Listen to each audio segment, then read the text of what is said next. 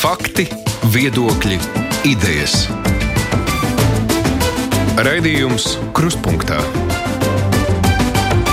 ar izpratni par būtisko. Studijā Mārija Ansone. Šodien pieminam tos cilvēkus, kuri pirms 80 gadiem nakts melnumā tika rauti no savām mājām un deportēti uz Sibīriju.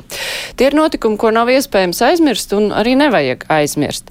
Vēsture tiek saukta par dzīves skolotāju un par vēstures nozīmību mūsdienās, tad būs arī mūsdiena, mūsu šīs dienas eh, kruspunktā saruna, jo šodien kopā ar mums ir vēstures zinātņu doktors Latvijas Nacionālā vēstures muzeja direktora vietnieks zinātniskajā darbā Toms Čikuts. Labdien! Dien. Es varbūt sākšu ar kādu vēstuli, nu pat ne, tā nav vēstule, tas ir ieraksts Twitterī atbildot uz mūsu pašreklāmu par šīs dienas raidījumu. Kāds cilvēks raksta, varbūt derētu pārtraukt tērēt laiku, lai gaustos par netaisnīgo vēsturi un tā vietā sākt sportot, lai izskatītos pēc normāla cilvēka. Kā jūs teiktu, kāpēc nevajag aizmirst to, kas notika tad? Um, es domāju, ka katrai lietai ir savs laiks, sava vieta, sava nozīme. Nu, mūsu dzīves telpas, izpratnes veidošanā, un varbūt um, arī tam cilvēkam, kas varbūt šodien grib vairāk iet sportot nekā interesēties par vēsturi, kādā mūža brīdī pienāks uh, tas moments, kad viņiem šķitīs, ka ir laiks interesēties par vēsturi, un es varbūt savā līdzšinējā interesē par pasauli vai skatā uz to, esmu kaut ko palaidis garām vai sapratis kaut ko mazliet par vienkāršu. Un tā diskusija. Nu, Nīčs rakstīja pirms vairāk kā 150 gadiem par vēstures derīgumu un kaitīgumu dzīvē, vai ne? Tātad šī diskusija par to, uh, Nu, kāda ir vēstures izpratnes nozīme, ir ļoti sena un vienmēr ir bijis šis eh, nu, tonis, kādu mēs varējām manīt šajā vēsturē. Nu, ka varbūt tam pagātnes lietām nevajadzētu pieķerties, jo tās mums tikai traucē skatīties uz priekšu. Nu, un no otros svaru kausos eh, vienmēr ir bijis šis eh, arguments vai pārliecība, ka vēsture kā komplekss skats uz to, kas ir noticis, tomēr palīdz šodienu saprast daudz dziļāk. Jo nu, mēs dzīvojam nemitīgi starp šiem trim nogriežņiem. To, kas ir bijis, to, kas notiek šobrīd, un to, kas notiks uz priekšu. Un, uh, lai kā mēs negribētu, uh, nu, visi šie trīs nogriežņi ļoti cieši savstarpēji saistīti. Bet uh, represēto piemiņa, tas jau nav tikai cieņas jautājums pret viņiem. Tieši Bet tā. ko mēs varam mācīties no tā? Jo tas laiks bija, nu, tas parādīja, ka tādā savā ziņā, nu, ka Latvija tomēr bija nu, diezgan bezpalīdzīgā situācijā, jo Uh, nu, tās starptautiskās organizācijas, nu, ja tā, tā to var nosaukt, tautu savienību, nu, tas neko mums nepalīdzēja, tas, ka mēs kaut kur bijām. Kā lielvalstis rīkojās, tā rīkojās, un mēs tur vienkārši tikām malti pa vidu. Jā, un es domāju, ka tādās aktuālās politiskajās mācībās. Uh, Nu, gan ir, no vēstures to vienmēr prasa. Un tā kā vēlētos, lai tā mācība būtu tik skaidra, ka mēs varētu teikt, ka 20. gadsimts nu, nekad vairs neatkārtosies. Uh, un mainās apstākļi, un mēs tāpat redzam, ka šobrīd varbūt tie nezinu, nu 14 miljoni, ko austrumu, centrāla un austrumu Eiropa zaudēja otrā pasaules karā starp Hitleru un Staļinu visās represijās pret dažādām grupām, nu, milzīgs skaits liekas, ka to pasauli cilvēks nekad nespēs aizmirst. Uh, Un tik un tā aktuālajā politikā uh, nu, pienāk kaut kādas šaubas uh, par pastāvošās kārtības efektivitāti, varbūt vajadzētu kaut ko mainīt, uh, nu, kaut kāds revizionisms sākās un tā tālāk. Un tur varbūt vēsture der tikai kā arguments veselajam saprātam vai atgādinājumam, bet tā ne, ne, nepalīdzēs to šīs dienas uh, nu, teiksim, šahu izspēlēt pareizajā virzienā. Es domāju, ka uz to nav jāliek tādas. Nu, pārlieku lielas cerības, ka mums tas dos pilnīgi skaidru recepti. Jā, tad nu, mums tagad jāstiprina apvienoto nāciju organizācija, piemēram, jo Tautas Savienība to nespēja izdarīt. Nu, labi, šī pārliecība ir laba, bet vai tā strādās tajos reālpolitiskajos apstākļos, jau, to jau mēs nu, nezinām. Mēs nevaram to tik vienkārši apgalvot. Mēs varam būt pateicīgi, ka mēs šobrīd esam iekšā tajās nu, teiksim, starptautiskajās organizācijās, kurās es, mēs esam. Nu, droši vien kā tā saprātīgi uz to paraugoties, nu, mēs saprotam, ka tā ir nopietna garantija būt teiksim, NATO vai Eiropas Savienībā. Krievija ļoti lielu uzmanību pievērš vēsturei un ļoti satraucas tajā brīdī, ja, nu, tas, ko viņi sauc par vēstures pārskatīšanu. Un bieži vien vēstures eh, pārskatīšana eh, Krievijas izpratnē ir tas, kā mēs saprotam daudzas vēstures notikums. Kāpēc tas ir tik svarīgi? Krievijai, kā nu, Padomju Savienības mantiniecei, un šobrīd ir tā, ka nu, arī oficiālā vara ļoti, nu, pat neslēpj, cik tā bija liela traģēdija, padomju sabrukums. Nu, es domāju, ka tas vairāk varbūt ir. Nu, drīzāk šo jautājumu varētu atbildēt eh, politologi vai šīs dienas Krievijas pētnieki nekā varbūt eh, vēsturnieki, bet uh, es domāju, tas ir nepārprotami un pilnīgi acīm redzam, ka teiksim, pagātnes uzvaras ir šīs dienas Krievijas stūrakmens. Uh, un arguments, kādēļ mums ir jārīkojas ne, citādi nekā pārējā pasaule rīkojas.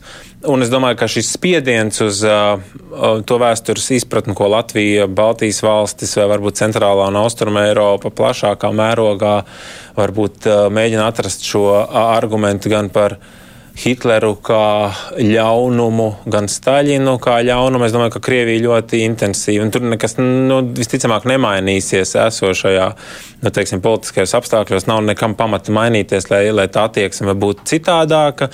Tas, ko varbūt mēs varam darīt, skaidrs, ka mēs tādā ar masu, teiksim tā, mēs nepaņemsim šo informācijas plūsmu ne Latvijas sabiedrībā, varbūt ne arī starptautiski, bet nu, katrā, pie katras iespējas mums ir jācenšas uh, stiprināt mūsu pašu uh, nu, tā vēsturiskā kultūras atmiņa, teiksim tā. Un, nu, jāmēģina skaļi protestēt vietās, kur tas ir iespējams, lai teiktu, ka bez Hitlera ir arī otrs, otrā pasaules kara izraisītājs, kas ir tikpat lielā mērā līdzvainīgs tajā, kas notika, un kurš ir nu, nemazāk upuru pienesis klāt šiem kopējiem 12 vai 14 miljoniem centrālā un austruma Eiropā kā, kā, kā Hitlers. Nu, cik vispār viegli ir nu, tādai kā Latvija izstāstīt savu ļoti sarežģīto vēsturi, jo nu, daudz cilvēku to saprot nu, diezgan tā vienkāršoti. Labie, sliktie, Hitlers slikts, nu, rietumos arī saprot, ka Staļins mm. slikts, bet tajā brīdī, kad runa ir par, piemēram, latviešu karavīru atrašanos leģionā, nekā, ne katrs saprot, ka tā mm. nebija vienkārši karošana Vācu armijā. Jā, nu, es gribu teikt, ka tā nu, nav pat tā, varbūt jūs sakat, rietumi saprot. Rietumiem arī ļoti grūti un nevienmēr šo situāciju, ka Staļina plakāts vai, vai, vai fotografija varbūt otrā pasaules kara vēstures ekspozīcijā tikpat liela vai, vai nu, teikt, tikpat negatīvu konotāciju kā Hitlerā, arī Rietumē Eiropā, tas nemaz nav tik viegli skaidrojams. Man šķiet, ka uh, tur droši vien ļoti daudz ir ko stāstīt un vēstīt tiem uh, nu, Latvijas kolēģiem un, un arī Eiropas parlamenta deputātiem, kuri nu, bija tūmā šai Eiropas vēstures mājas tapšanai Briselē.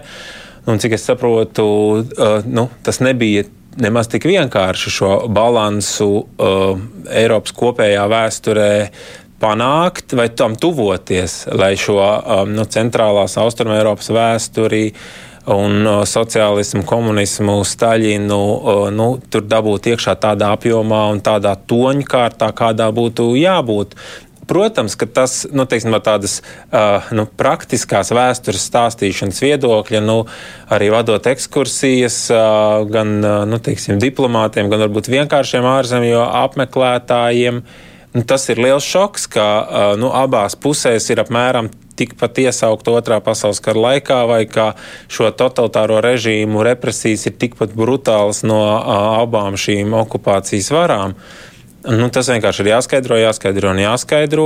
Un, nu, tur īsti jau cita ceļa nav. Mēs jau nevaram uh, tagad uh, panākt kaut kādu ANO rezolūciju, ka mēs pārrakstīsim visas pasaules vēstures grāmatas, nezinu, tādā virzienā, kādā nu, mēs tās vēlētos redzēt. Nu, tas, ir, tas ir mūsu nu, vēsturnieku muzeju, uh, nu, vispār nu, kultūras jomas patiesībā nu, darba uzdevums. Par to neaizmirst. Jā. Par represijām un to nodarīto postus droši vien ir daudz vieglāk arī izskaidrot un arī nu, citās valstīs saprast, cik tas bija smagi. Bet vai mēs esam pietiekoši paši izpētījuši visus šos notikumus? šodien tiek nosaukti visu izsūtīto vārdi. Vai mēs zinām visus, visus, visus izsūtītos, visi, visi dokumenti ir saglabājušies? Nav tā, ka ir cilvēki, kuri vienkārši ir pazuduši. Jā, es neesmu varbūt specifiski represija pētnieks, un es līdz pēdējām detaļām jums nu, nevarēšu būt kompetenti to, to situāciju izskaidrot, bet šie te deportēto sarakstī tad ir zināmi, un tur tiešām līdz pēdējiem vārdam ir zināms. Tas, kas varbūt nav. Uh, nu, tik droši ir šajā varu maiņas brīdī, 40. gadā, 41. Nu, šo politiski arestēto likteņa vai, vai 44. gadā varas maiņu brīdī, bet arī tur, teiksim, jau ir ļoti liels darbs ieguldīts 90. gados, 2000. gadu sākumā šos tiesāto sarakstus, arestēto sarakstus uh, saliekot. Jautājums drīzāk ir par tādu. Uh, nu, plašāku izpratni, nu, kādas sekas tas atstāja, pēc kādiem kritērijiem tas ir noticis. Tur arī ir daudz pētījumu, bet nu, tur droši vien būtu gana daudz ko, ko, ko, ko darīt. Es gribētu teikt, ka tajā akadēmiskajā vēsturē tas padarītā darba apjoms ir gana liels, lai mums tā panorāma būtu skaidra. Nu, mēs zinām gan 49. gada deportācijām, gan 41. gada deportācijām arī šos rīkojumus, kā tas centralizēti notika. Tātad par šo sociālo, tā saucamo sociālo svešu elementu uh, izsūtīšanu no tām jaunām okupētajām, uh, padomju okupētajām zemēm uh, 41. gadā. Mēs zinām 49. gada rīkojums par šo operāciju Krasta banka. Tā kā nu, tā aina mums ir skaidra. Es domāju, ka drīzāk tas uzdevums. Uh, ir uh, šobrīd, lai um, nu, mēs tajā publiskajā vēstures pusē, mēs varam teikt, akadēmiskā vēsture, uh, tur darba, protams, netrūks, bet savu daļu ir izdarījusi, nu, tad uh, šai publiskās vēstures pusē, nu, teiksim, arvien jaunus veidus atrast, kā šo stāstīt, atgādināt, um, nu, kā tos likteņu stāstus varbūt izmantot, ietērpt nu, muzeja ekspozīcijās, citos nu, teiksim, publiskā darba formās, filmās un tā tālāk. Nu, lai, lai tas būtu patiešām mūsu kultūras atmiņā, nu, tā grodi ierakstīts, lai mums nebūtu jāšaubās par to, vai nu, tas mūsu sabiedrībā ir vai nav svarīgi. Nu, man liekas, ka tajā, šajā jomā drīzāk ir vairāk darba, nu, tieši domājot par represiju tēmu. Bet par citām padomju okupācijas laika tēmām es domāju, ka ļoti daudz um, nu, teiksim, nezināmā un vēl darāmā. Jūs pieminējāt, nu, ka ir pētīti, varbūt nepietiekoši pētīti tieši nu, šie veidi, šis process, kā tika lemts eh, par cilvēkiem, par ģimenēm, kuras tiks izsūtīts. Jo no vienas puses, jā, ja ir redzami rīkojumi, ka ir jāizsūta tas, tas, tas, vienmēr, nu, kaut kur tajā konkrētajā vietā bija konkrēti cilvēki, kur pieņēma tos gala lēmumus. Un uh, tur droši vien, kas strādāja, tas cilvēciskais faktors, ka uh, kad rezultātā nu, no kaut kurienes tika izsūtīti tādi cilvēki, kuri citur varbūt tika pasaudzēti, kur varbūt tika tas lēmums pieņems, vai, vai to mēs esam pietiekoši izzinājuši, vai to vairs var izzināt, jo laiks iet uz priekšu, cilvēki, kuri to paši atceras, viņi paliek ar vien mazāk. Jā, es domāju, ka nu, lielākoties, cik man zināms, tas tomēr ir tādā, uh, nu, kā teikt, stāstu vai nostāstu līmenī, uh, ka mēs zinām, tas īpaši attiecas uz 49. gada deportāciju, gan vairāk, nu, ka uh, Jā, tā tad nu, tur varbūt vietējais partorgs ir iestājies pār vai pret noteiktas ģimenes deportēšanu, bet nu, tādu, nu, man liekas, ka ļoti skaidru atbildi par to, nu, vai tā bija vai nebija, ir samērā grūti, grūti iegūt. Jo nu, tas visticamāk, nekādā rakstiskā formā mēs ne, neieraudzīsim. Uh, nu, un, un neatradīsim šādu avotu vai pamatojumu, kurā tas būtu nofiksēts. Bet, protams, ka pastāv nu, par to pašu Edgars Kauliņu un Lielvārdu vai Lāčplēsi kolhozi ir šī leģenda, ja, ka viņš tā tad ir pasargājis uh, savējos. Nu, un patiešām tur augoties atsevišķus pagastus. Uh, Latvijā mēs redzam, ka ir pagasti, no kuriem nu, nav neviens izsūtītais. Un mēs varam vaicāt, nu, vai vai tad 41. gadā šis darbs teikt, bija padarīts un cilvēki 47. gadā tie, kas nebija deportēti, aizbēga zinādam, kas varētu draudēt trimdā. Tāpēc tur, tā kā, jo tas pats attiecas, piemēram, uz pirmo kolhozu nākotni, uz šo pagastu, kur tas veidojās, arī tur, piemēram, 49. gadā nav šo deportēto. Nu, vai tas ir tā kā apzināti, ka tur šis kolhozs jau ir izveidots un zinot, ka 49. gada deportācija lielā mērā ir tā kā iebiedēšanas spēle vai iebiedēšanas nu, tāds manevrs, lai piespiestu zemnieks iestāties kolhozos, un tur tas nav nepieciešams iespējams. Bet nu, tādu droši fiksētu avotu jau nu, drīzāk, drīzāk kurš par to iestājies, es pieņemu, ka tur vairāk ir nu, tās vietējās leģendas, kad ir kāds cilvēks, jā, kurš ir par vai pret iestājies. Nu jā, vai ar laiku šī vēsture un šie notikumi, nu, arī nevar, nu, kā jau, kā jau daudzi vēstures notikumi, nevar, nu, nopaļoties un vienkāršoties. Respektīvi, kamēr mums neizlec laukā ļoti konkrēti stāsti, situācijas, nianses, ka bija tā vai citādi, tad beigās tas viss paliek tā kā tāda vairāk viendabīga masa, un ja ir vēl kinofilmas vai mākslas darbi, nu, tad tie kaut kā atveido to, un tad beigās tas priekšstats varbūt rodas tāds, nu, vispārināts mazliet. Un, mm. Jo tālāk laiks iet uz priekšu, jo mazāk mēs varam uzzināt kaut ko precīzāk un uh, uzklausīt cilvēkus, kur kaut ko atceras. Pilnīgi precīzi tas noteikti tā arī notiek. Mūsu priekšstats par senākiem notikumiem noteikti ir vispārīgāks, attālinātāks. Tur varbūt lielāka ir šī mīta klātbūtne. Bet es domāju, ka attiecībā uz deportācijām tas labais darbs, kas ir paveikts nu, 90. Um, gados, un kas ir ļoti rūpīgi darīts gan Latvijas muzejos, gan nu, citās atmiņu institūcijās, ir tas, ka ir ļoti daudz šo personisko atmiņu uh, savākts, uh, priekšmetu savākts, nu, kurā katrā tomēr ir tas konkrētās ģimenes dzimtas liktenis, nu, kuru mēs uh, varam, uh, varam likt uh, lietā. Un tas darbs, uh, kas šai jomā ir izdarīts, viņš, teiksim, nu, mēs, mums ir nesalīdzināms lielāks resursus, kā šo konkrēto šausminošo, atgādinošo stāstu uzbūvēt, nu, nekā runājot, piemēram, par kādām Pirmā pasaules kara vai neatkarības kara epizodēm. Nu, tur, teiksim, tas tas darbiņš un, un varbūt nebija tik mērķtiecīgi veikts. Tas, kas bija savākts starpkara laikā, gāja daudz kas bojā, varbūt kara laikā un mērķtiecīgi tika iznīcināts padomju okupācijas laikā. Tur tā mūsu vēsturiskā atmiņa ir vispārīgāka, bet šeit es domāju, ka mums ir visas iespējas šajā publiskajā vēsturē izmantot šos um, nu, skaudros, ļoti konkrētos stāstus, kas mums neļauj ieslīgt nu, tādā, jā, kā jūs sakat, tādā nopaļotā priekšstatā, nu, jā, bija un cilvēki cieta, un jā, 15,000. Un, un tad, kad mēs sākam konkrēti runāt par to, kā tas notika, un ka šie 15,000 patiesībā nozīmē tādu krietnu lielumu Latvijas pilsētu šodien, kas tiktu noslaucīta no zemes virsmas vienas nakts laikā, nu, tad tajā sarunā var sākt eh, aizdomāties, kad mēs konkrēti par to sākam runāt. Un tā ir arī, teiksim, nu, nezinu, vadot, es jau minēju, nu, muzeja ekskursija praksa ļoti labi rāda. Uh, tu redzi, kā cilvēki noteiktās situācijās rieģē. Un tad, kad tu norādi šī ešelonā garumu, viena ešelona, kas ir vienā stācijā slepenī, paslepeni nofotografēts, Un, uh, nu, tu apzinājies, ka katrā tajā vagonā ir cilvēki un ka tas kopā veido tik, tik šausminoši lielu summu. Nu, tad tu jūti, ka tas cilvēks sāk aizdomāties, ka tas nav tikai tāds nu, fakts vai nosaukums deportācija. Tā kā jā, nu, tas risks ir, bet es domāju, ka nu, publiskajā vēsturē strādājot, uh, neļaujot to aizmirst. Mums ir ļoti laba bāze, kā šo stāstu stāstīt. Es priecājos arī, ka nu, jaunais okupācijas muzejs top. Un, uh, Es pieļauju, ka tas būs ļoti pārliecinoši uh, nu, vieta, kurā to, to, to neļaut aizmirst. Un arī, nu, tāpat arī mūsu Nacionālā vēstures muzeja ekspozīcijās nu, tam ir sava vieta.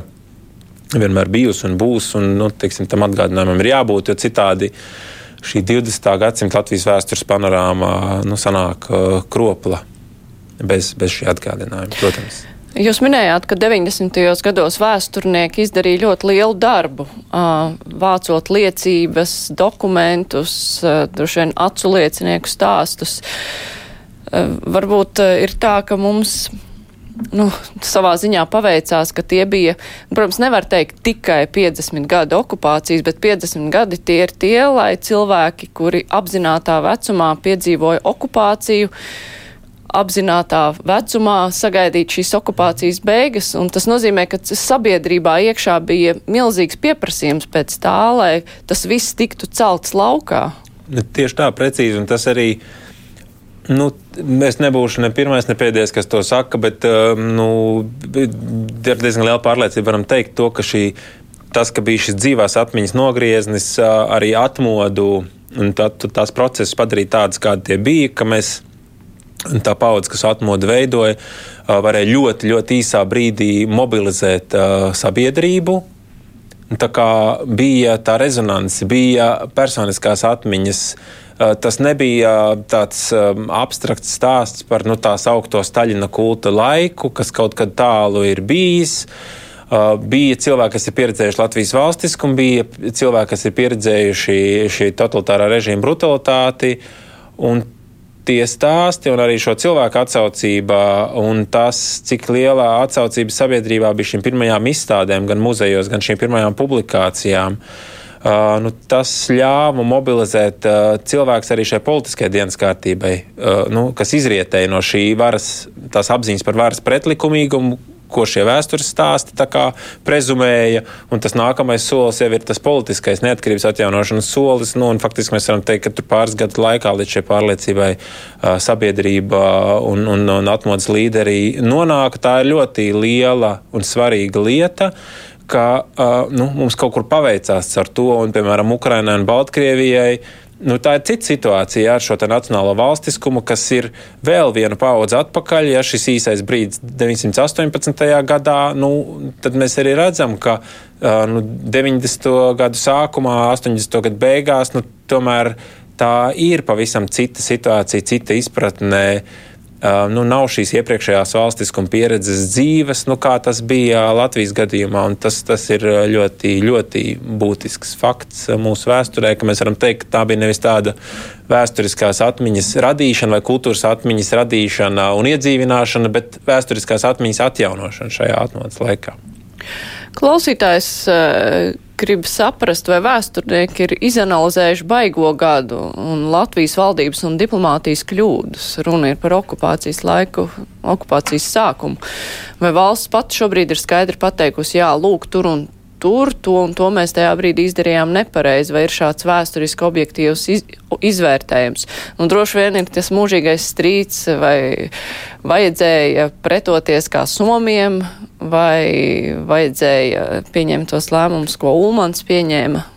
Es pieļauju, ka klausītājs par to vaicā.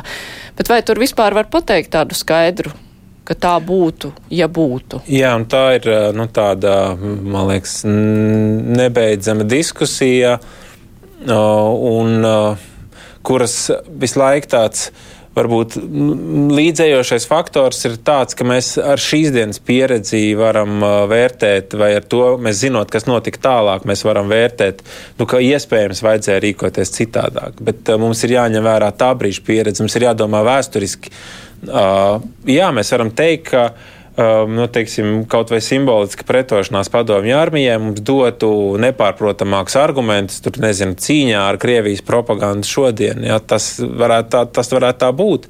Bet vai tāpēc uh, nu, mēs varam teikt, ka Ulmanis rīkojās nepareizi un tā viennozīmīgi postulēt? Nu, es nezinu, vai, vai, vai vēsturnieki var to tā apgalvot nu, skaidrs, ka šis šāviens, jā, vai, vai kā to teikt, vai šī pretošanās, nu, tas, tas raisītu šos mūsu argumentus citādākus. Klausītājs no Latgales vaicā, vai ir zinām kaut cik dzīvu palikuši Eh, no Kalupas vai Vabolas pagasta. Kur šādu informāciju var uzzināt eh, par to, par represijām, cik ir atgriezušies? -hmm. tad, tad par šo atgriezušamies cilvēkiem, tie, kas no deportētiem ir, no deportētiem cilvēkiem ir atgriezušies šajos pašos Latvijas Nacionālā arhīvā, Latvijas valsts arhīvā izdevumos tiem cilvēkiem, par kuriem tas šais lietās ir fiksēts, arhīvu lietās ir fiksēts, ir minēts datums, kad atbrīvots, ja, vai arī miris. Tā kā šajos pašos aizvesto izdevumos to arī var šķirstīt pa apriņķiem un pagastiem ir sadalīts, un cilvēks visticamāk nu, atradīs cilvēks, kas ir atgriezušies, un nu, tad var meklēt šos, šos tuviniekus. Un, nu, jā. Mums uh, klausītājs, uh, viņš ir lasījis grāmatu Holokausts Latvijā, un viņam par pārsteigumu ir uzzinājis, ka otra lielākā nacionāla grupa, kas tika izsūtīta, bija ebreji. Kāpēc par to netiek runāts, kāpēc saukto represēto vārdu sarakstā nav ebreju vārdu? Es uh, šo sarakstu saukšanu gan tagad neesmu dzirdējis, šodien tiek saukti šie mm. vārdi. Mums pirms tam arī kāda klausītājs zvanīja un teica, ka Tur eh, brīvajā mikrofonā tur bija kāds krievu tautības eh, klausītājs zvanīja un teica, ka cik ļoti viņš negribētu, lai atgriežas padomju savienību, un tad tā klausītāja teica, nē, ka šodien jau nu krieviem nevajadzētu izteikties, bet tie jau nebija tikai latvieši, kurus izsūtīja. Nu, pilnīgi precīzi, un šajos aizvesto izdevumos arī ir priekšvārdos ļoti skrupuloza analīze.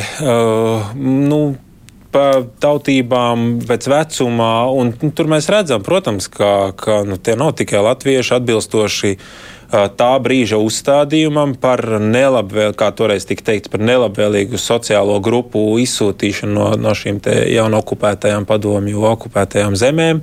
Protams, ka tur ir arī krievi, ebreji, citu tautību piedarīgie. Un, uh, nu, tas jau netiks šķirots, ja tas uh, ir uh, nu, teiksim, turīgs vietējais uzņēmējs vai Latvijas armijas kādreizējais virsnieks vai varbūt uh, aizsargs kaut kur latgalē, tad nu, mm, tas tik labi varēja būt gan Latvijas, gan Krievs, gan, gan Rīga ebrejs. Es, es šaubītos, vai kāds arī apzināti teiksim, izlaiž šo cilvēku vārdus, saucot šo izsūtīto sarakstu, jo katrā ziņā šajā deportēto, šajā šausminošajā 15,000 cilvēku sarakstā, nu, tur jau nav šķirots, šķirot šie vārdi pēc tautībām. Un, un, ja nemaldos, man šķiet, ka arī tagadējā, tā jaunākajā okupācijas muzeja izdevumā ar liecībām par 41. gada deportāciju arī kā reiz ir mērķiecīgi izvēlēti ne tikai latviešu stāsti par šo deportāciju laiku, un arī mums Nu, muzeja krājumā ir ļoti aktīvs Daugopilī, bija vecticībnieks Krievs Fomu Morozovs, kas arī ir represēts, un viņš bija ļoti rūpīgi vācis liecības jā, par šīm te represijām nu, savā tajā dzimtajā pusē, Daugopils pusē, un vēlāk apkopojas nodevis muzejā.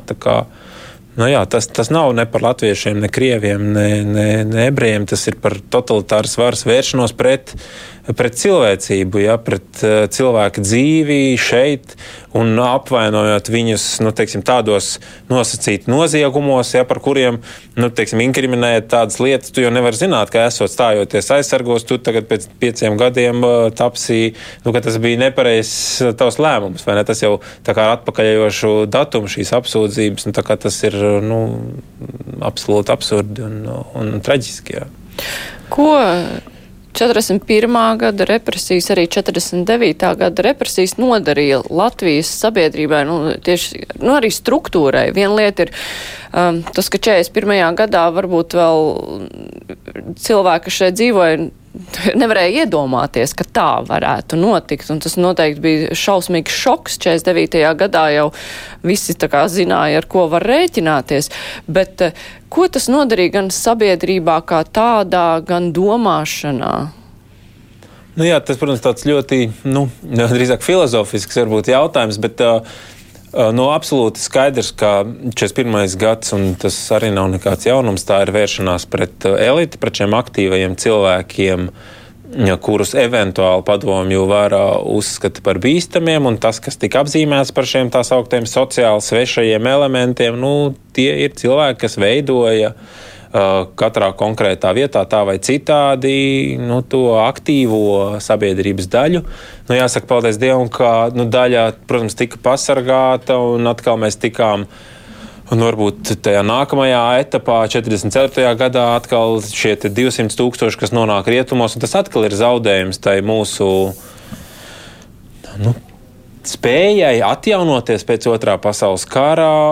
Es domāju, ka tās ir nu, pietiekami dziļas sekas, bet, nu, protams, mēs nevaram aiz, aizvainot to, ka tos, kas nu, teiksim, palika dzīvi un netika represēti, teikt, ka viņi kaut kādi, nu, nezinu, tad palika tie, kurus nearestē. Tas arī būtu atkal tāda galējība un absolūti nu, nekorekts apgalvojums. Bet, protams, ka tas ir no tās intelektuālās elites zaudējums. Un, Es domāju, ka arī tāda iebiedēšana, tas iebiedēšanas faktors, to jau arī padomu vāra ļoti meistarīgi iemācījās 20. un 30. gados jau PSRS izmantot. Ja, tā tad iebiedēt, lai citi nu, nerīkotos, lai, lai, lai tās bailes vadītu nu, mm, teiksim, tajā, nu, jeb, jebkādā dzīves jomā, lai, lai, lai te, tu, tu padomātu, vai tevi par to nerepresēs, vai kaut kas nenotiks, vai kāds no tavējiem tā vai citādi rīkojoties nevarētu pazust. Un tas tā varbūt ir tāda ēna, kas ļoti, ļoti ilgi dzīvo, un to jau mēs redzam arī no tā, ko stāsta šos represēto ģimenes, ka cilvēki jau ļoti nelabprāt, ļoti ilgi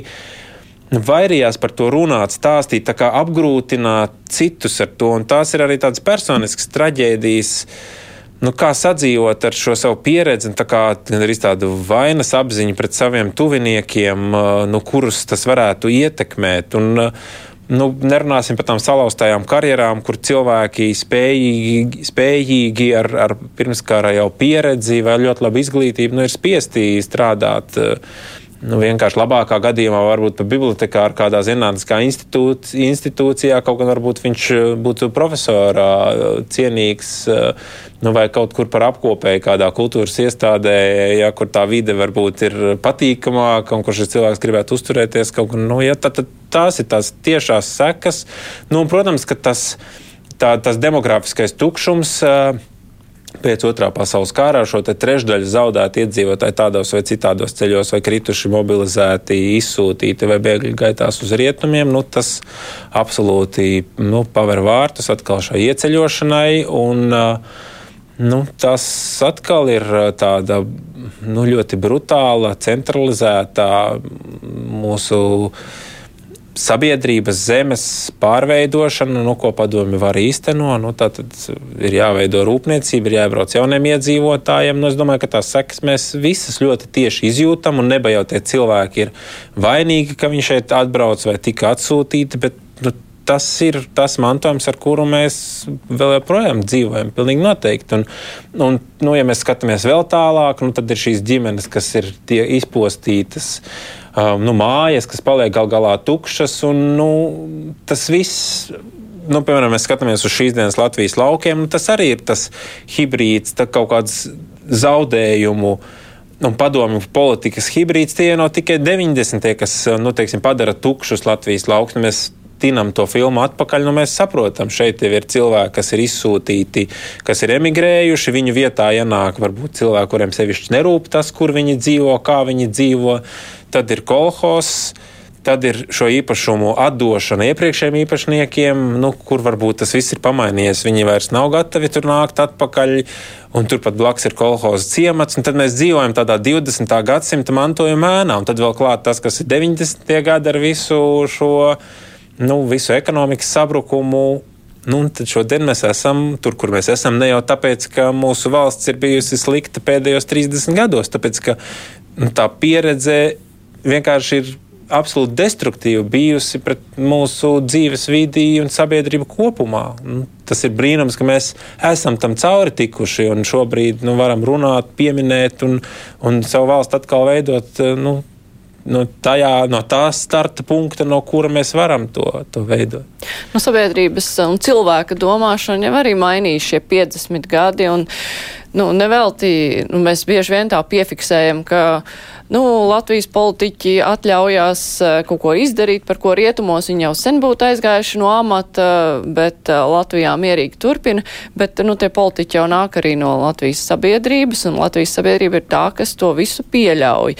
Tas nozīmē, ka nu, mūsu domāšanā tie 50 gadi ir atstājuši pēdas, ka mēs esam citādāk nekā, ja mēs būtu visu laiku, visu šo laiku vadījuši tādā, nu, demokrātijas attīstības procesā, ja mēs būtu turpinājuši to, kas bija aizsācies uh, starpkara laikā. Nu, jā, protams, tas tā droši vien ir, bet uh, nu, es nedomāju, ka tas tagad ir galvenais punkts vai attaisnojums, kāpēc mēs varam vai rīkoties tā, kā mēs rīkojamies. Nu, tas mums ir jāņem vērā. Neattaisnojums, bet, domāju, laiks, bet uh, nu, izskaidrojums. Nu, tas, nu, jā, varbūt izskaidrojums, bet es uh, domāju, ka nu, ir pietiekami daudz laika uh, pagājis, lai mēs varētu kļūt paši pret sevi, saviem politiķiem, prasīgāki, kā teikt. Un, uh, nu, jā, tā kā saprast, ka 30 gadus redzot, ka varētu arī citādāk, redzot rietumu demokrātijas pieredzi, un tomēr ir paudze,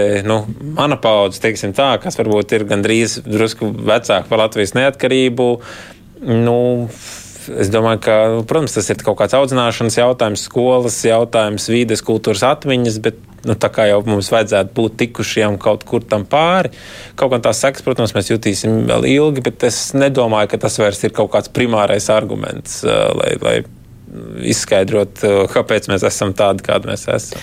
Jā, lai gan, ja tā pavēro pēdējos 30 gadus, mēs kļūstam prasīgāki. Nu, tomēr nu, Dievam, tā, tā, tā tas tomēr notiek. Es atgādināšu Latvijas radio klausītājiem un vēlāk arī Latvijas televīzijas skatītājiem, ka šodien kopā ar mums ir vēstures zinātņu doktors, Latvijas Nacionālā vēstures muzeja direktora vietnieks zinātniskajā darbā Toms Čikuts. Un, ja tiem, kas ir piefiksējuši, ka saruna notiek eh, studijā klātienē, viss ir atbilstoši mūsu valstī noteiktajai kārtībai par epidemioloģisko drošību. Bet, nu, mēs tūlīt turpinam sarunu. Raidījums Krustpunktā.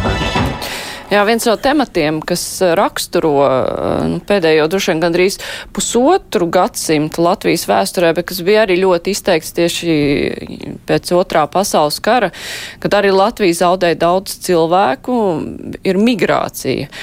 Uh, tas bija aktuāli gan nu, tajos laikos, kad runa bija vienkārši par varbūt kādiem labākas dzīves meklējumiem. Tas, uh, Migrācija, piespiedu migrācija, tās ir deportācijas, ka cilvēki vienkārši tika piespiesti aizbraukt. Migrācija, tas ir bēgšana, bēgļi no uh, kara laikā. Un migrācija tas ir tas process, kas ir noticis pēdējos uh, gados, uh, tagad jau 21. gadsimta, uh, jā, nu, ap 8. gadu un līdz tā, nu, tagad ir apsīts mazliet. Bet uh, vēsturniekam vai ir interesanti salīdzināt šos migrācijas viļņus? Jo bieži vien, nu tā tiek salīdzināts, ā, tagad Latvija ir zaudējusi tikpat daudz cilvēkus, cik tad un tad. Vai to vispār var salīdzināt? Ja migrācijas iemesli ir ļoti dažādi. Nu, katrā ziņā mēs varam uh, to, ko mēs varam, mēs varam secināt, ka migrācija ir bijis ļoti svarīgs faktors Latvijas vēsturē. Tas, nu, vismaz, vismaz, kā jūs sakat, 150 gadus ir klātesošs. Un es domāju, ka vēl vairāk, un tā mūsu priekšstats par mūsu tādu ļoti vietsēdību, un nu, ka mēs tur viensētnieki, kas nekur nekustamies, un tā tālāk. Katrs, kas varbūt ir sācis savu dzimtu mazliet pētīt, zina, ka tas galīgi tā nav. Un, uh, tur bieži vien tās kustēšanās ir bijušas ļoti ak aktīvas. Tas, vai mēs varam salīdzināt, es domāju, ka uh, dažreiz. Uh, tas ļauj eh, nu, gūt tādu labāku izpratni vai atskaites punktu, ka tas īsti nav tāds jauns fenomens, ar kuru mēs saskaramies. Uh, un šeit varbūt tādi, tāds viens skaitlis, ko es varu teikt, ka apmēram 10% latviešu dzīvo ārpus Latvijas teritorijas, tad gan Krievijas impērijas citās guberņās un teritorijās, gan Eiropā, gan Amerikā. Uh, nu, teiksim, ap 1914. gadu, kad sāksies Pirmais pasaules karš, tad 10%. Nu, šobrīd varbūt ir mazliet vairāk, bet nu, tas skaitlis man liekas nav dramatiski atšķirīgs no tā. Tā kā šī pieredze par dzīvošanu ārpus dzimtenes to laiku arī, starp citu, ekonomiska motīva dēļ, lai pamatā pelnītu maizi iegūtu zemi Krievijā, un tad daļa, protams, arī studētu, vai nu, kā, kā cara režīmā politiskie bēgļi uzturētos citur. Nu, tā bija Latvijas sabiedrības realitāte, un, un toreiz par to daudz rakstīja un domāja, kā tas mūs ietekmē. Uh, jā, tā tad arī nu, līdzīgs tonis, varbūt mazliet moralizējošs pret tiem, kas aizbrauc. Nu, kā mēs arī šodien nereti dzirdam, ja nu, kā tā var, dzimtene ir ieguldījusi izglītošanā, tad tagad pagastiem būtu jāatprasa nauda pagastu skolu uzturēšanai, ko tātad šo emigrējušo cilvēku bērnu izglītībā mēs esam kopīgi ieguldījuši, un viņi tagad aizbrauc. Tā kā tās tā retorika, nu, ir interesanti uz to palūkoties, nu, vai tas mums var dot kaut kādu mācību, es šaubos, bet tādu pieredzi, ka tas ir bijis svarīgi Latvijas sabiedrībā, nu, gan mēs no tā varam smelties. Un pēc tam, protams, ir šie milzīgie bēgļu viļņi.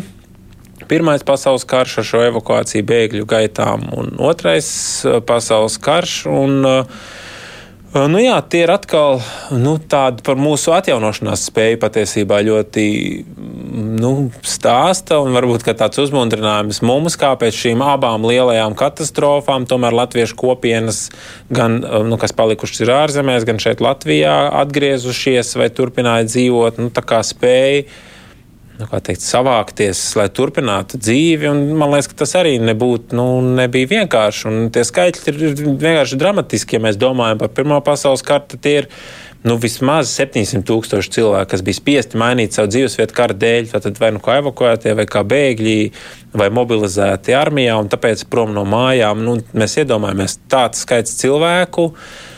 Un, nu, Tur katrs ir liktenis apakšā, pamestas mājas, šeit palikuši radinieki, kara laika grūtības un tā tālāk. Un tā kā otrais pasaules karš pēc 20 neatkarības gadiem atkal kā jauns trieciens, nu, ja mēs to visu saliekam tādā chronoloģiskā virknē, Nu, jā, un tad, protams, vēl ir tie varbūt migrācija viļņi, par kuriem mēs mazāk zinām, esam runājuši un pētījuši. Un patiesībā arī šī pēckara ieceļošana.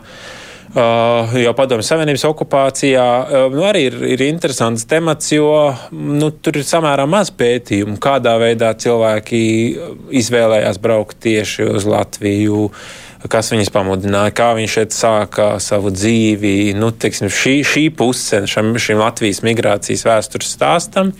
Nu, vai, vai vēl ir temats, es nezinu, vai mēs runājam par migrāciju kopumā. Nu, tad, uh, 15, 16 tūkstoši arī ebreju, kas kopš 60. gadu beigām izceļo no Latvijas PSR, kas arī ir tāds nu, nevisai, varbūt arī labi izpētīts, bet arī interesants, interesants temats. Tā kā jā, nu, tas ir tāds liels, interesants temats Latvijas vēsturē. Bet, eh, nu, ja paskatāmies uz to, kā nu, latvieši, kas ir aizbraukuši, viņi pirmkārt eh, ļoti daudz veido kopienas, cenšas saglabāt savas saknes. Protams, ir eh, tādi latvieši, kas ir aizbraukuši varbūt dēku meklējumos kaut kur vēl pa Dienvidu Ameriku, un tāpat mēs uzzinām, ka oh, tas ir kāds latviets, mm -hmm. kurš tur dzīvo. Bet tomēr. Arī kara bēgļi ir devušies prom, atgriezušies. Tie, kas aizbēga no padomju okupācijas, nu, jā, nu, viņi dzīvoja tur, bet uh, viņu pēcteči tomēr ir saglabājuši latvietību ļoti daudzi, ne visi, protams, bet daudzi. Un arī mēģina atgriezties. Vai latvieši ir tādi, kas tendētu uz atgriešanos, vai tas ir raksturīgi visām nācijām, kurām ir kaut kādu iemeslu dēļ vienkārši kaut kur jādodās? Uh, Es domāju, ka tā mēs varam īpaši teikt, tendēt uz atgriešanos. Es domāju, ka mēs noteikti nevaram, jo tomēr tas procents, kas ir eh, izšķīduši, mēs viņu nosaukt nevaram, bet es pieņemu, ka viņš ir eh, samērā augsts un to jau trimdas latvieši pētot jau 70. gadu beigās, 80. gadu sākumā. Man šķiet, ka se, šajā sērijā Artskijus jau bija pētījums par šo piederību, biedrībām un tā tālāk par šo būšanu aktīvajā latviešu kopienā, un tur tie kopējie skaitļi nemaz tik pozitīvi nebija. Un domājot arī par atgriešanos, varbūt nu, trims latviešu atgriešanos Latvijā, nu, tur jau arī tie skaitļi nu, tādos absolūtos skaitļos, ja viņi nevar kompensēt nekādā ziņā to demografisko kritumu, kas ir eh, tajā brīdī, kad šī izceļošana notiek. Un tas pats arī uz šo senāko posmu Krievijas impērijas laikā. Uh, nu, diemžēl ļoti daudzi, kas bija izbraukuši pirms Pirmā pasaules kara, viņi jau Latvijā tā arī neatgriezās. Un, uh, nu, Viņi tur bija ieguvuši zemi un pat labāk bija gatavi palikt Ļeņina padomi Krievijā. Nu, nekā braukt uz Latviju, atkal sākt no jauna savu nezināmu dzīvi, kā to iekārtot. Un, nu, nu tur daudz no viņiem, protams, gāja bojā Staļina represijās 37. un 38. gadā. Tur ir nu, tas, kas mums ir skaidrs, zināms, ir 17,000 nošautie. Ja, Tātad par arestētajiem, kas ir bijuši nometnēs, citādi represēti, tur nemaz nerunājot, cik tur vēl klāt. Tā kā nu, arī tur ļoti liela šī kopiena, starp 150 un 200 tūkstošiem palika, un daudz no viņiem nu, tā, arī, tā arī dzimtenī nekad vairs neskatīja. Un es domāju, salīdzinām ar citām nācijām. Nu, Jā, nu ir šīs kopienas ārzemēs. Mums visām, varbūt kaimiņu valstīm, teikt, kāda ļoti īpaši atšķirtos ar to, ka ļoti ciešiem kontaktiem, īpaši ciešiem kontaktiem ar dzimteni, vai poļu, vai lietuviešu, vai igauņu kopienas, nu, tas stāsts ir apmēram līdzīgs, ka tā pirmā paudze ir samērā aktīva kontaktos un sūta šīs vēstures.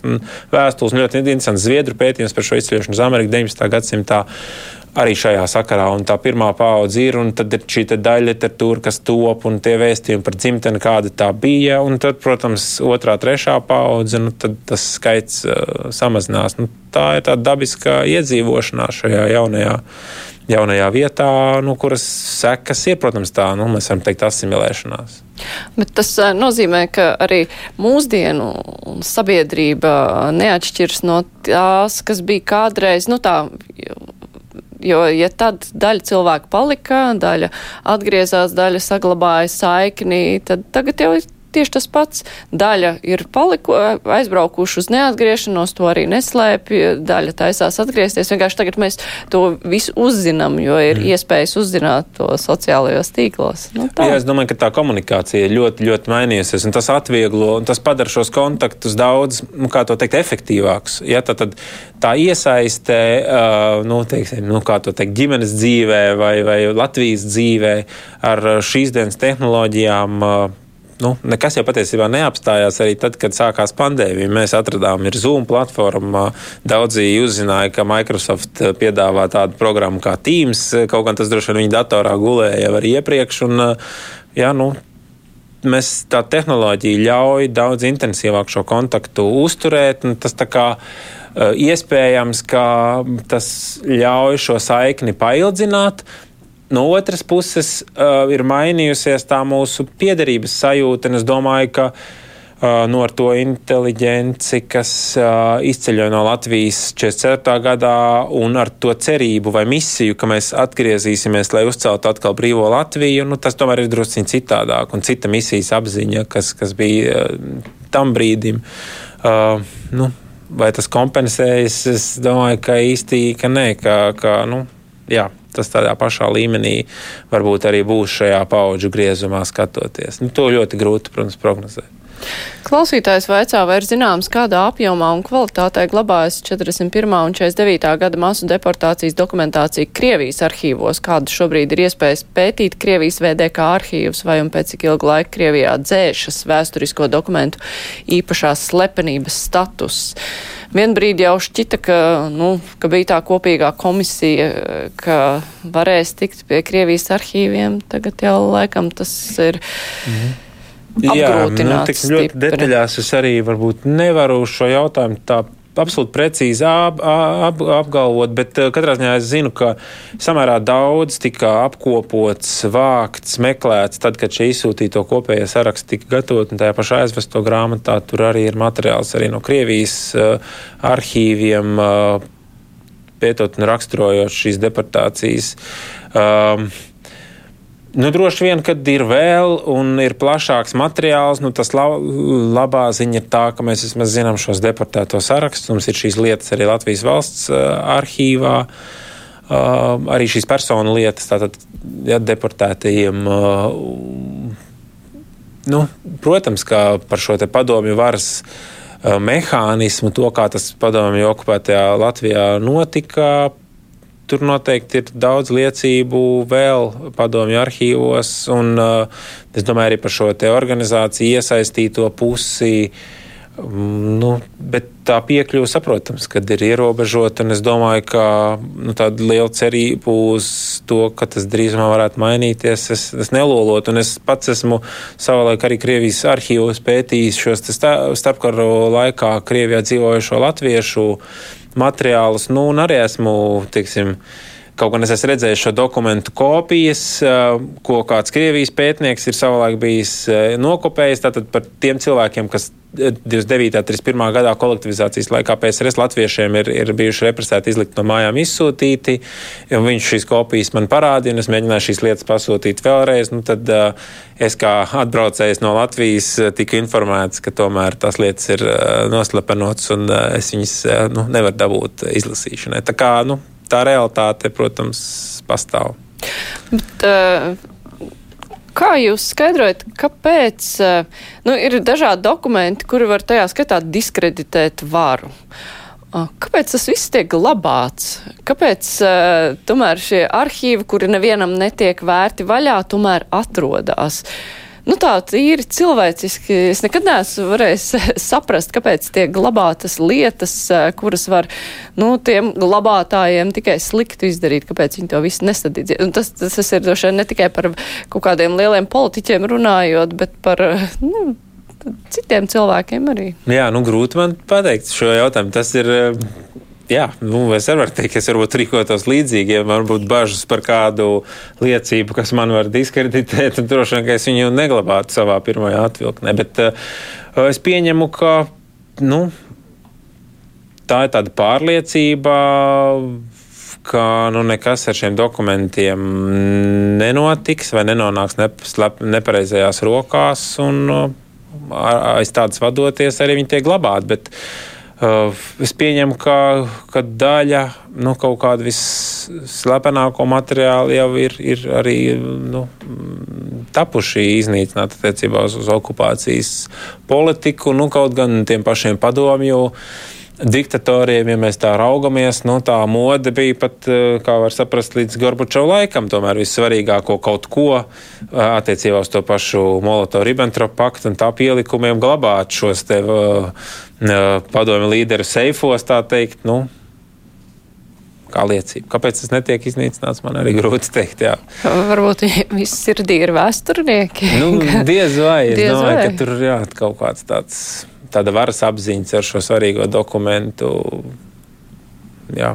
Tiek pausta. Pavisam īsi mums ir tikai pāris minūtes palikušas. Pandēmijas laikā vēstures muzejs pamanījās strādāt arī virtuāli. Tas bija efektīvi. Es domāju, ka. Uh, nu, teiksim, drīzāk no, no tādas citas puses, ka pandēmija bija pamudinājums vairāk domāt par šo strādāšanu virtuālajā vidē. Uh, jo neizbēgam tam tāpat pienāk, pienāktu laiks. Tas bija tāds grūdienis, es domāju, pasākumu tiešraides arī sociālajos tīklos. Eh, sociālo tīklu publikācijas saglabāt vienu vietu kopējā digitālajā arhīvā, ko mēs izveidojam e-muzeju, un, un tas arī taps papildināts. Tā kā es domāju, kā grūdienis tam, kam bija varbūt jānotiek. Vai tas ir efektīvi? Es domāju, ka klātbūtnes efekts muzejā uh, nav aizvietojums. Jo nu, par to pašu deportācijas stāstu, par ko mēs šodien runājam, tas emocionālais kontakts, ko vadot ekskursiju cilvēkam, grupai, tu vari klātbūtnē, tiešajā kontaktā, tas tomēr nav salīdzināms ar to, nu, ko mēs varam uzrakstīt, nopublicēt, lai cik aizkustinošs stāsts, fotografijas. Tas stāsts un atbild uz jautājumu nu, liek tomēr aizdomāties daudz dziļāk. Jā, tā kā virtuālās stūres vairāk vien vēstures zinātnes popularizēšanai nodara, bet jāapskata viss ir pašam uz vietas. Es teikšu paldies. Šodien kopā ar mums bija vēstures zinātņu doktors, Latvijas Nacionālā vēstures muzeja direktora vietnieks zinātniskajā darbā Toms Čikuts. Paldies, ka varējāt atnākt Paldies. un būt klātienē šeit. Bet raidījums kruspunktā ar to izskan. Raidījuma producenti Revija Unām, savukārt studijā bija es, Mārija Ansone, un mēs tiekamies arī rīt. Visu labu!